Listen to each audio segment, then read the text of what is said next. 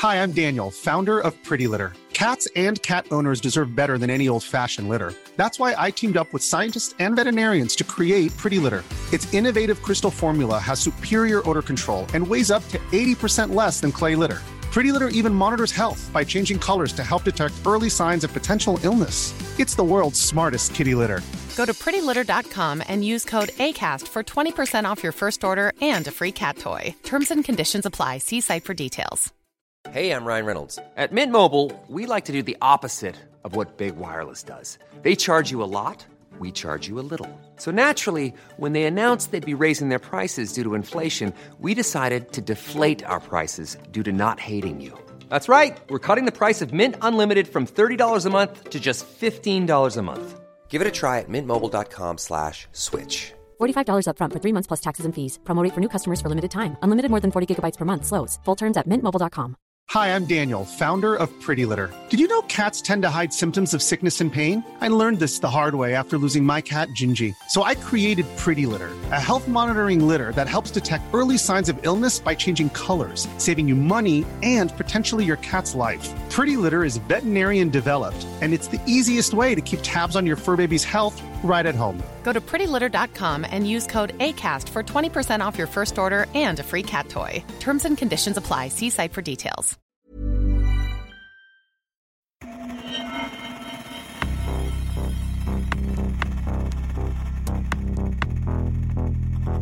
Expect more attacks on the government. They caused a lot of damage. In any computer crime, you want to look for the digital footprints. Dataintrång där interna handlingar läckte ut. shadowy group behind the hacking attack on the Federal Reserve.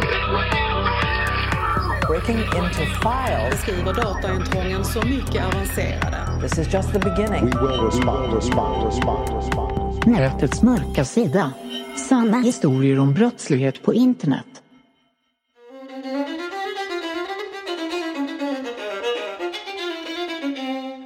Всем привет! В вашем телевизоре очень много телеканалов, но вы не знаете, что посмотреть? Обратите свое внимание на телевизионную передачу «Вечерний Ургант». Это популярное шоу на одном из российских каналов, в основе успеха которого находится комедийный талант... Sergej och Oksana Petrov satt i lugn och ro i soffan och tittade på TV. Deras favoritprogram Evening Urgent, som det heter på engelska, hade precis börjat och Sergej hade cyklat förbi mataffären på vägen hem från jobbet för att köpa snacks. När han klev in i lägenheten och pussade sin fru Axana på kinden så hade han både en påse surski och en påse pastilla i näven. För om det var något som han visste att både han själv och Axana inte kunde få nog av så var det den nästan sockerkaks marshmallowaktiga smaken av riktigt god pastilla gjord på sura äpplen, ägg och socker. Surski var inte alls lika gott, men det var mer eller mindre ett obligatorium att köpa ändå, tyckte Sergej. Lite som trötta tacos på fredagar här i Sverige eller sill och nubbe som man bara måste ta på midsommar. Paret Petrov bodde i en ganska liten, sliten och sjaskig lägenhet i Kyrovski-distriktet i utkanten av staden Novosibirsk i Sibirien. Sergej som var i 50-årsåldern hade arbetat på Sib Elektroterm ända sedan första dagen efter att han gick ut skolan. Sibel Elektroterm är en enormt stor fabrik i Novosibirsk som grundades på 40-talet och tillverkar bland annat gasugnar, gruvutrustning, elektriska industriella ugnar och en massa andra saker som används inom industrin i Ryssland och Kazakstan och flera andra länder. Aksana däremot hade aldrig arbetat en enda dag utanför hemmet i hela sitt liv. När hon träffade Sergej och de blev förälskade så gick hon fortfarande i skolan och så fort hon blev myndig så gifte de sig och hon gick direkt från att plugga till att bli hemmafru på heltid i lägenheten som låg vägg i vägg med industriområdet där Sergej arbetade. Sedan dess så hade de levt hela sina liv där i den där lägenheten i industriområdet.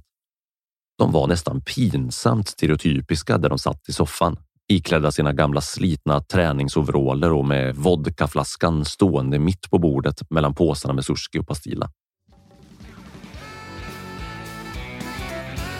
När favoritprogrammet drog igång och signaturmelodin strömmade ut ur tvns högtalare, då var både Sergej och Oksana på helspänn av förväntan för att få se vilka kvällens gäster skulle vara.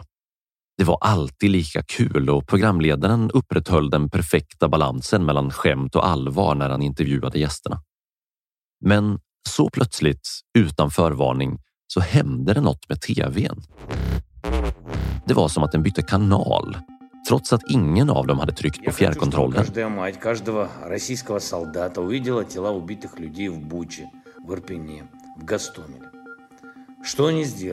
Sergej svor till och sa åt Aksana att sluta flippra med fjärren men Aksana såg ut som ett frågetecken och svarade bara att hon inte hade rört den.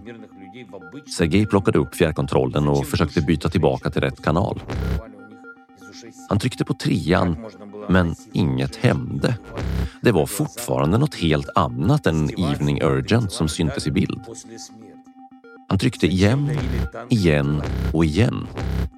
Sergej började svära högre och värre den här gången. Men när han insåg att han faktiskt var på rätt kanal och att det inte gick att hitta något annat på de andra kanalerna heller så spetsade han öronen och började lyssna och titta på vad det egentligen var som tvn visade.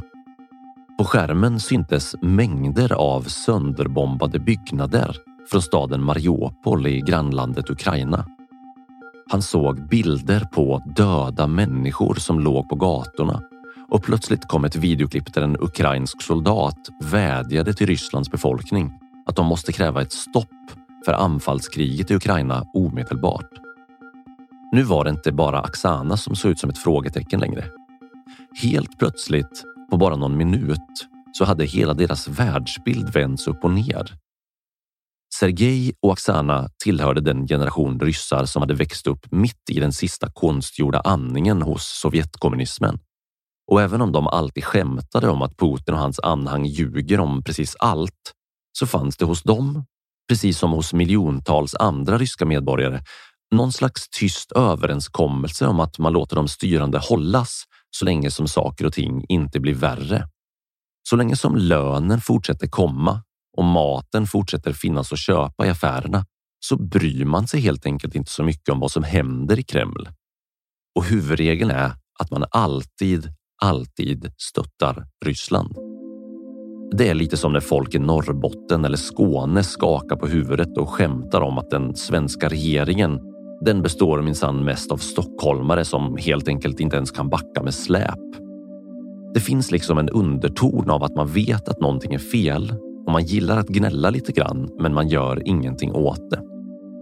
Men när de vidriga videoklippen från Ukraina slog Sergej och Oksana rakt i ansiktet så var det väldigt svårt att värja sig mot de fruktansvärda hemskheterna som visades på tv-skärmen. Var det här verkligheten bakom Rysslands fredsbevarande specialoperation mot nazisterna i Ukraina? Var det de här vanliga civila människorna som utgjorde hotet mot det ryska kulturarvet som Putin sa? Bilderna från Ukraina sändes i ungefär 12 minuter över hela Ryssland via alla tv-kanaler som tv-bolaget Rostelecom basade över. Miljontals ryssar möttes plötsligt av något helt annat än den statligt kontrollerade propagandan som Putins regim hade matat dem med nästan dygnet runt i 22 års tid sedan Putin kom till makten i Ryssland år 2000. När de 12 minuterna hade gått och den vanliga tv-sändningen kom tillbaka så kände varken Sergej eller Aksana för att äta pastilla längre. De stängde av tvn och satt tysta i soffan ett par minuter Sen ringde Sergej sin kusin Oleksi som bodde med sin fru och sina tre barn i en förstad till Kiev i Ukraina. Samtalet varade i nästan två timmar innan Oleksi var tvungen att lägga på och springa ner till skyddsrummet i lägenhetskomplexet där de bodde igen eftersom flyglarmet hade börjat tjuta. Oleksi berättade att ryssarna släppte bomber och sköt robotar varje dag över förstäderna till Kiev och att både maten och vattnet höll på att ta slut. När Alexei hade gett sig ut för att försöka fylla på matreserverna dagen innan så hade han svängt upp på en gata där en ukrainsk familj hade blivit stoppad av en grupp ryska soldater. Han vände genast om bilen och körde i motsatt riktning och på vägen bort från den platsen hörde han skotten från soldaternas automatgevär när de sköt ihjäl familjen. När Sergej la på telefonluren var han alldeles vit i ansiktet. Dagen efter satt Sergej och Oksana Petrov med varsin proppfull resväska på tåget som gick i riktning mot Helsingfors i Finland. Kvar på soffbordet i lägenheten i Novosibirsk stod vodkaflaskan och de två påsarna med surski och pastilla. Det här är nätets mörka sida med mig, Marcus Borsklev.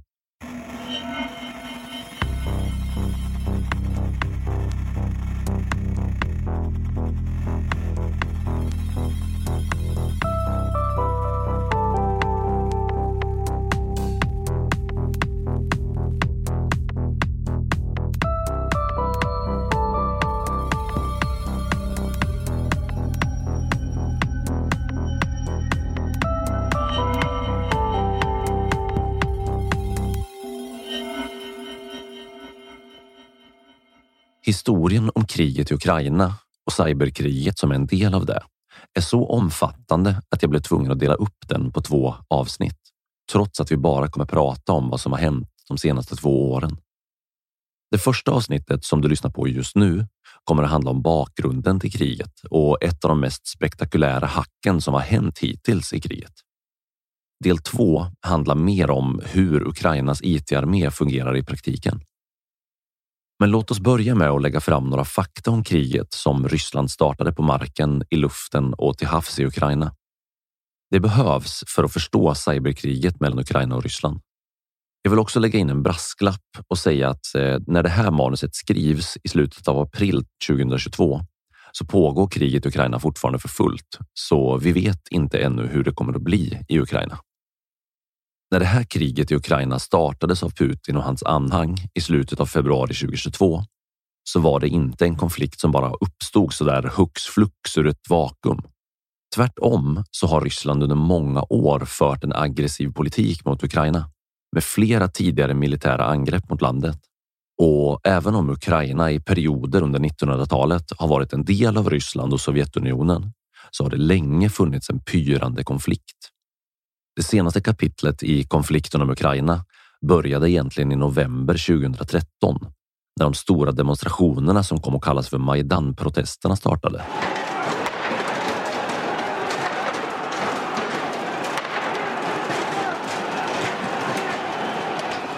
Majdan-rörelsen, som kännetecknades av stora protester mot den dåvarande ukrainska regeringen, det var en reaktion på att Ukrainas regering vägrade skriva på ett samarbetsavtal med EU eftersom det skulle ha gjort Ukraina mindre beroende av Ryssland och mer beroende av EU. Och det var inte vad regeringen ville. Tvärtom ville de komma ännu närmare Ryssland. Och det här gick tvärt vad stora delar av befolkningen ville. I februari 2014 så skjuts flera personer ihjäl vid Majdantorget i Ukrainas huvudstad Kiev och därefter skakar den politiska marken i Ukraina. Den Rysslandsvänliga regeringen avgår och den dåvarande presidenten Viktor Janukovych flyr ut ur landet. Sen följer ett nytt val och den mer EU-vänliga presidenten Petro Poroshenko väljs. Men samtidigt som Majdan-protesterna pågår i Kiev och runt om i Ukraina så händer det något märkligt.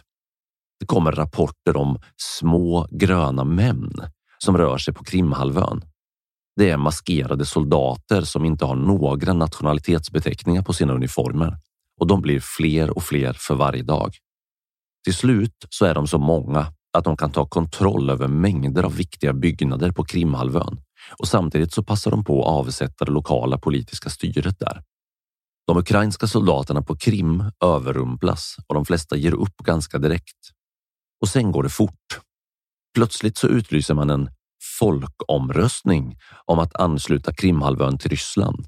En omröstning som döms ut totalt av den övriga världen som illegitim och korrupt. Och surprise, surprise, resultatet av folkomröstningen landar givetvis i att en totalt överväldigande majoritet av de röstande på Krim vill lämna Ukraina och bli en del av Ryssland. Så sommaren 2015 utropar Ryssland Krimhalvön som en integrerad del av Ryssland Ungefär samtidigt som Majdan-protesterna i Kiev och annekteringen av Krimhalvön så händer det grejer i regionen Donbass i sydöstra Ukraina. Där blir en del av befolkningen upprörda över att Viktor Janukovych och hans ryssvänliga regering blir tvungna att avgå och flyr från landet. Så där poppar istället upp stora demonstrationer till stöd för den förre presidenten och hans regering. Och det som händer sen blir inte kul. Det bryter ut ett blodigt inbördeskrig i Donbass där proryska separatister kämpar för att skapa nya folkrepubliker som ska stå nära Ryssland. Och mycket riktigt, redan i april 2014 så utropar separatisterna två nya självständiga folkrepubliker i både Donetsk och Luhansk. Och inbördeskriget där har pågått mer eller mindre konstant sedan dess. Utöver inbördeskriget i Donbassregionen så hände det sen inte jättemycket mellan 2014 och 2021. Många länder i världen fördömde annekteringen av Krimhalvön och sa att det var det värsta exemplet på landrofferi som har skett i Europa sedan andra världskriget. Men samtidigt så fanns det också många länder som inte brydde sig nämnvärt alls om konflikten i Ukraina. Några sanktioner dök visserligen upp i periferin, men i praktiken så var det ganska fritt fram för Putin att roffa åt sig Krimhalvön utan konsekvenser från övriga världen. Men folk över hela världen som hade följt Vladimir Putin sedan han tillträdde makten efter millennieskiftet oroades dock av det här mönstret från Putins tidigare krigshandlingar i Tjetjenien, Georgien, Dagestan och Syrien med mera. I sin retorik kring de krigen så påminde Putin om det historiskt stora och mäktiga Ryssland och pratade om invånare och folkvalda i de andra länderna som det ryska folkets fiender. Jag måste pausa lite här och ställa en fråga. Vad hade hänt om resten av världen hade reagerat starkare på inbördeskriget i Donbass och annekteringen av Krimhalvön? Hade vi ens haft ett nytt krig i Ukraina då? Eller hade vi startat det tredje världskriget? Det är värt att fundera på tycker jag. På vilket sätt påverkade övriga världens oförmåga att ställa Ryssland till svars Putins benägenhet att starta kriget i Ukraina några år senare? Gillar du den här podden? Skulle du vilja höra fler avsnitt? Då vill jag be dig att stödja nätets mörka sida på patreon.com. Som Patreon så får du tillgång till mängder med exklusivt material som till exempel unika bonusavsnitt som inte är tillgängliga för allmänheten. Behind the scenes videos, merchandise och en massa annat kul. Men framför allt så hjälper du mig att göra fler och bättre avsnitt genom att stödja podden på Patreon. Jag lägger ner någonstans mellan 30 till 60 timmar per avsnitt för att skriva manus, göra research, spela in, komponera musik och redigera. När du stödjer nätets mörka sida på Patreon så bidrar du till att jag kan fortsätta göra intressanta avsnitt som du kan lyssna på. Gå in på www.patreon.com natets mörka sida och upptäck allt som du får tillgång till som Patreon www.patreon.com natets morkasida. Länken finns också i infotexten till varje avsnitt av podden. Tack för ditt stöd!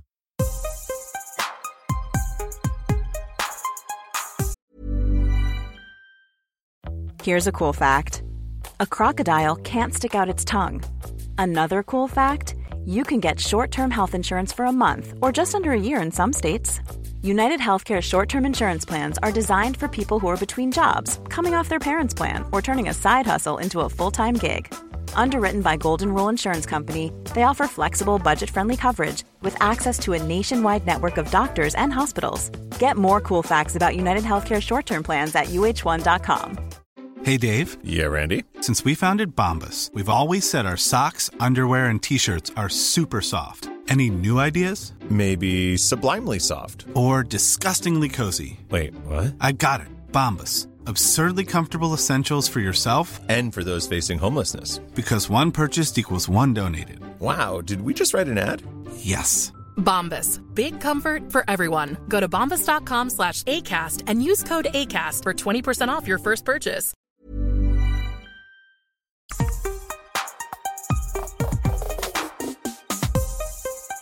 Sen så kom då år 2021. Ett år fyllt av intensifierade strider mellan den ukrainska armén och de proryska separatisterna i Donbass. Men kanske framför allt ett år av oro och hot från Ryssland. Redan i mars 2021 så rapporterade oberoende medier om att Ryssland förflyttade stora mängder trupper mot den ukrainska gränsen. I april så säger Putin att eh, Ryssland ska genomföra gigantiska militärövningar vid gränsen mot Ukraina. Och hela tiden så ökar oron i Ukraina för ett nytt ryskt anfallskrig. I november 2021 så beräknas nästan 100 000 ryska soldater befinna sig vid den ryska sidan av gränsen mot Ukraina. 2021 blir till 2022 och i februari 2022 så påbörjar Ryssland en till stor militärövning vid den ukrainska gränsen.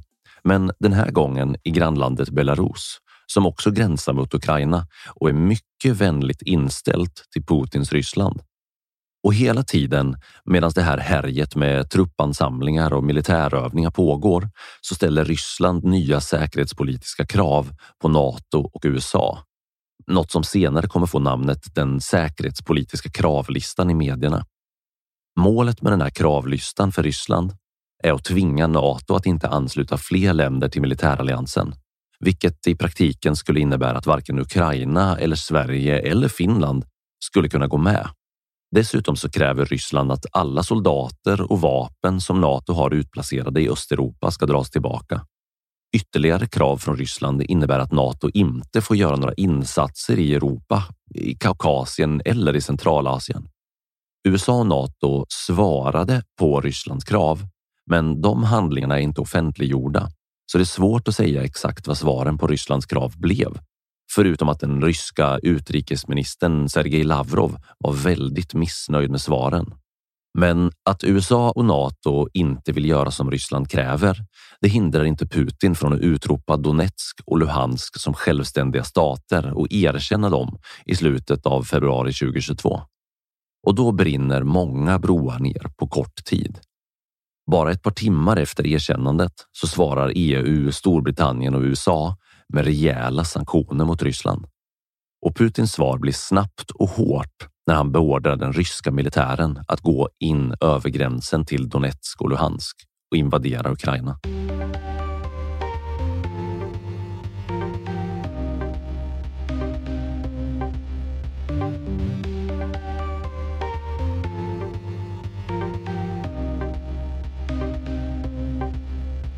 I ett tv-sänt tal så hotar Putin med att om någon lägger sig i kriget så kommer det bli konsekvenser som ingen någonsin har sett tidigare. Vilket i praktiken är det första stora kärnvapenhotet sedan kalla kriget. Och med det så är ett fullskaligt krig igång som vi fortfarande inte har sett slutet på. Men det där är ju som sagt bara historien om det som faktiskt hände och händer på marken, i luften och till havs i Ukraina. En stor del av kriget utkämpas också i cyberrymden med hjälp av hackerattacker.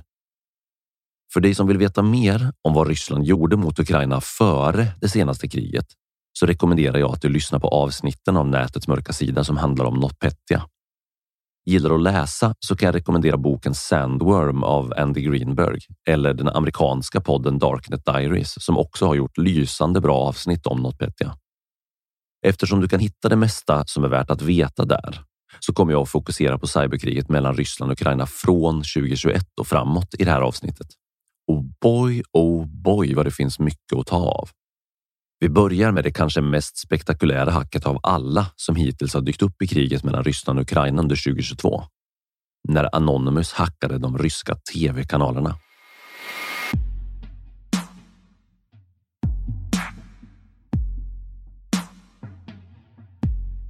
Hackarnätverket Anonymous har fullkomligt bombarderat Ryssland med olika cyberattacker sedan kriget började. Strax efter att Putins militärer gick över gränsen till Ukraina så deklarerade Anonymous ett eget cyberkrig mot Putin och alla som stödjer honom. Och som svar på invasionen av Ukraina så satte de igång med sina attacker. I princip varje dag sedan slutet av februari har olika verksamheter i Ryssland utsatts för angrepp från Anonymous men det har oftast handlat om överbelastningsattacker som tillfälligt har stängt ner till exempel regeringssidor på nätet eller att Anonymous har hackat olika ryska hemsidor och lagt in pro-ukrainska budskap på startsidan istället för det ordinarie innehållet. Men ett särskilt hack sticker verkligen ut från mängden.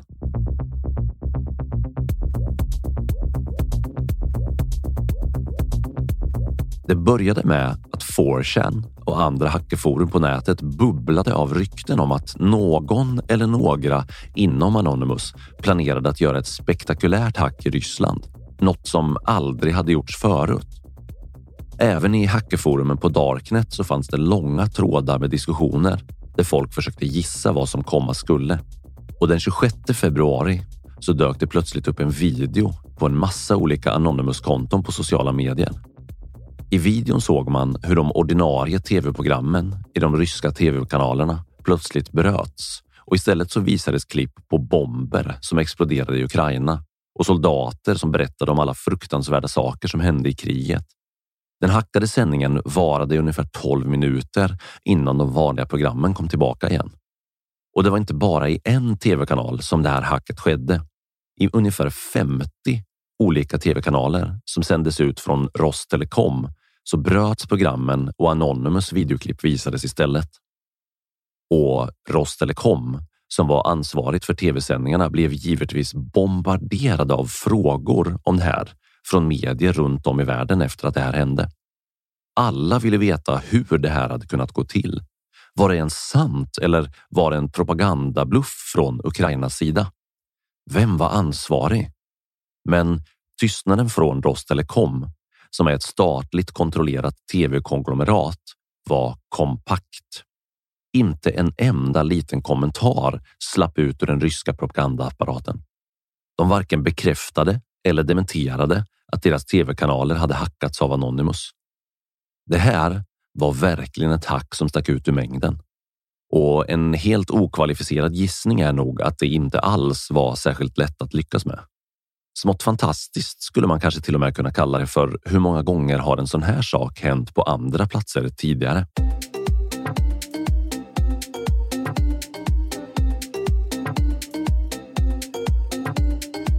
Så var det ens sant då?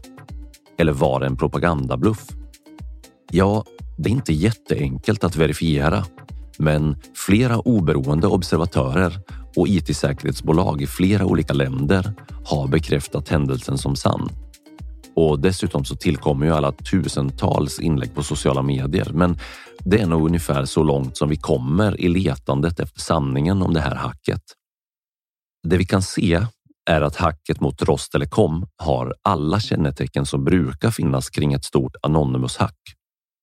Det var dramatiskt, kreativt, hade stor påverkan på många människor och var enkelt att dela online tack vare videoklippen som spreds som en löpeld över internet direkt efter hacket. En liten grupp hackers som sa sig tillhöra Anonymous tog på sig hacket strax efteråt.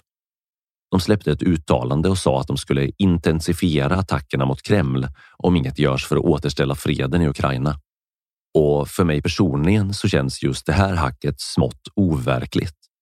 Det är som hämtat ur en sci-fi dystopi som 1984 eller Fahrenheit 451 där människor lever i en värld där all information totalt kontrolleras av den statliga propagandan. Och så plötsligt så hackar sig motståndsrörelsen in i informationsflödet och bryter illusionen. Och det kanske inte är så väldigt långt från den verklighet som många människor i Ryssland lever i just nu. Eller? Så nu vet vi att Anonymous lanserade en stor hackerkampanj mot Ryssland ganska direkt efter att kriget startade. Och de lyckades med det väldigt spektakulära hacket mot tv-kanalerna på Rostelekom. Men sen då? Vad har de gjort mer?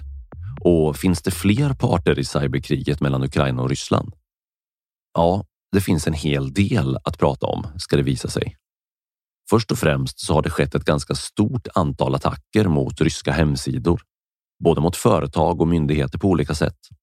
Dels har Anonymous hackat sig in på hemsidor och tagit över dem och lagt in sina egna budskap mot kriget i Ukraina. Enligt eh, Anonymous själva har de hackat sig in i och tagit kontrollen över mer än 2500 ryska hemsidor i skrivande stund i april 2022. Men det är en siffra som måste tas med en rejäl nypa salt eftersom den är väldigt svår att verifiera under ett pågående propagandakrig. Och sen har vi förstås också överbelastningsattackerna som syftar till att tillfälligt slå ut motståndarens infrastruktur. Det är kanske de vanligaste attackerna i det här kriget och vi ska få anledning att återkomma till varför det är så i nästa avsnitt. Där kommer vi också prata mer om hur Ukrainas IT-armé fungerar. Du har lyssnat på Nätets mörka sida med mig, Marcus Borsklev.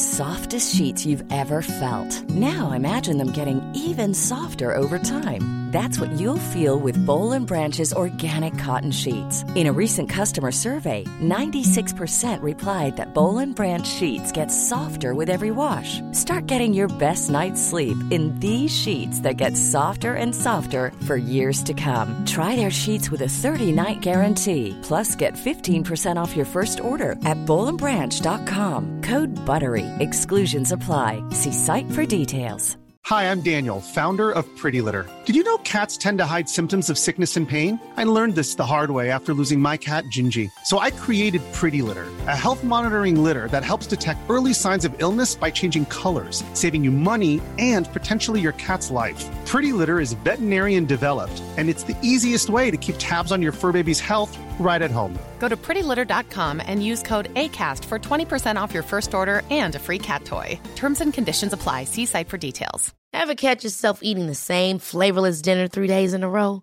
Dreaming of something better? Well, HelloFresh is your guilt free dream come true, baby. It's me, Gigi Palmer. Let's wake up those taste buds with hot, juicy pecan crusted chicken or garlic butter shrimp scampi. Mm. Hello Fresh. Stop dreaming of all the delicious possibilities and dig in at HelloFresh.com. Let's get this dinner party started.